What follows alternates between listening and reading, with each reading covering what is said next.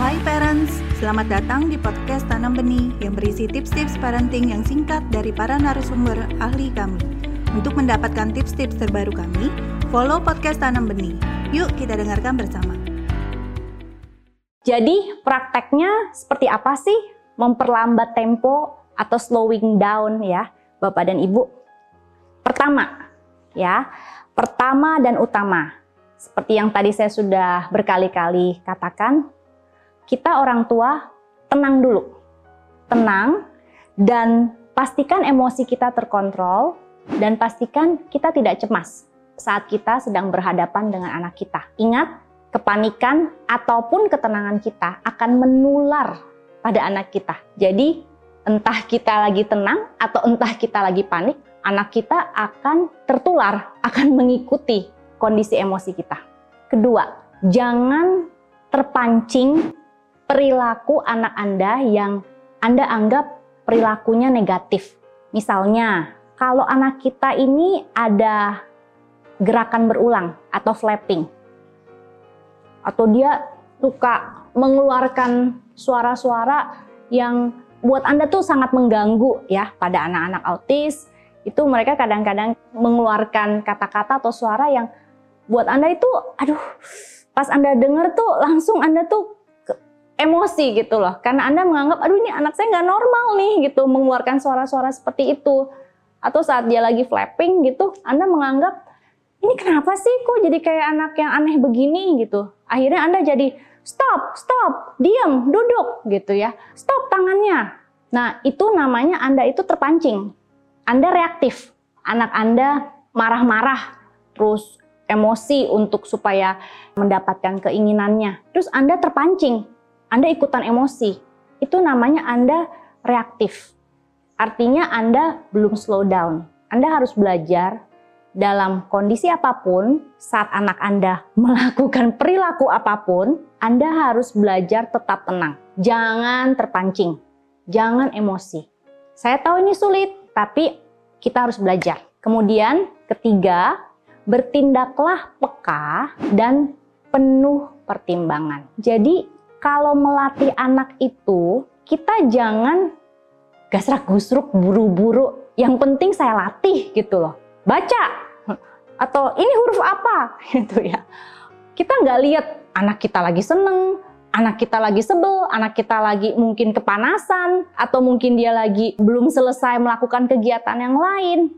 Jangan peka dan penuh pertimbangan di sini maksudnya kalau saya latih dengan cara begini, kira-kira dia nangkep nggak ya? Itu namanya penuh pertimbangan. Jadi bukan dari sudut pandang saya saja sebagai orang tua, tapi saya belajar memahami sudut pandang anak saya. Kalau saya ngomongnya dengan kalimat yang panjang-panjang, ayo kamu harus makan, habiskan secepatnya. Itu dia ngerti nggak ya? Atau mungkin kalimat saya itu harus cukup pendek saja supaya dia nggak bingung maksud saya. Itu namanya penuh pertimbangan. Jadi yang ketiga, poin ketiga untuk bisa slowing down, untuk bisa memperlambat kecepatan kita, kita perlu melatih diri kita peka. Peka terhadap level kemampuan anak dan terhadap kondisi emosinya. Ya, jangan anak kita itu lagi bete, lagi sebel, terus kita terus aja kita latih, kita nggak peduli dia seneng atau sebel gitu ya. Jangan. Jadilah orang tua yang peka dan penuh pertimbangan. Poin yang keempat, bila diperlukan, berikan jeda atau pause setiap kali Anda bicara atau berkomunikasi dengan anak Anda supaya mereka ada waktu untuk memproses informasi, terutama pada anak-anak yang mengalami kondisi perkembangan tertentu ya. Cara mereka memproses informasi itu tidak sama dengan anak-anak lain yang kita bilang neurotypical yang tidak ada masalah ya dalam memproses informasinya. Ada anak-anak yang autis atau ADHD itu yang dia butuh waktu cukup lama untuk memproses perintah atau untuk memahami uh, apa yang kita katakan pada dia. Mungkin kalau anak lain itu bisa langsung ngerti gitu ya. Bahkan kita belum ngomong, kita baru nunjuk, mungkin kok anak lain itu bisa langsung paham, tapi pada anak-anak autis, ADHD, atau Down syndrome, itu mungkin mereka kita perlu memberikan jeda atau pause. Jadi misalnya kita bilang, ayo diikat tali sepatunya.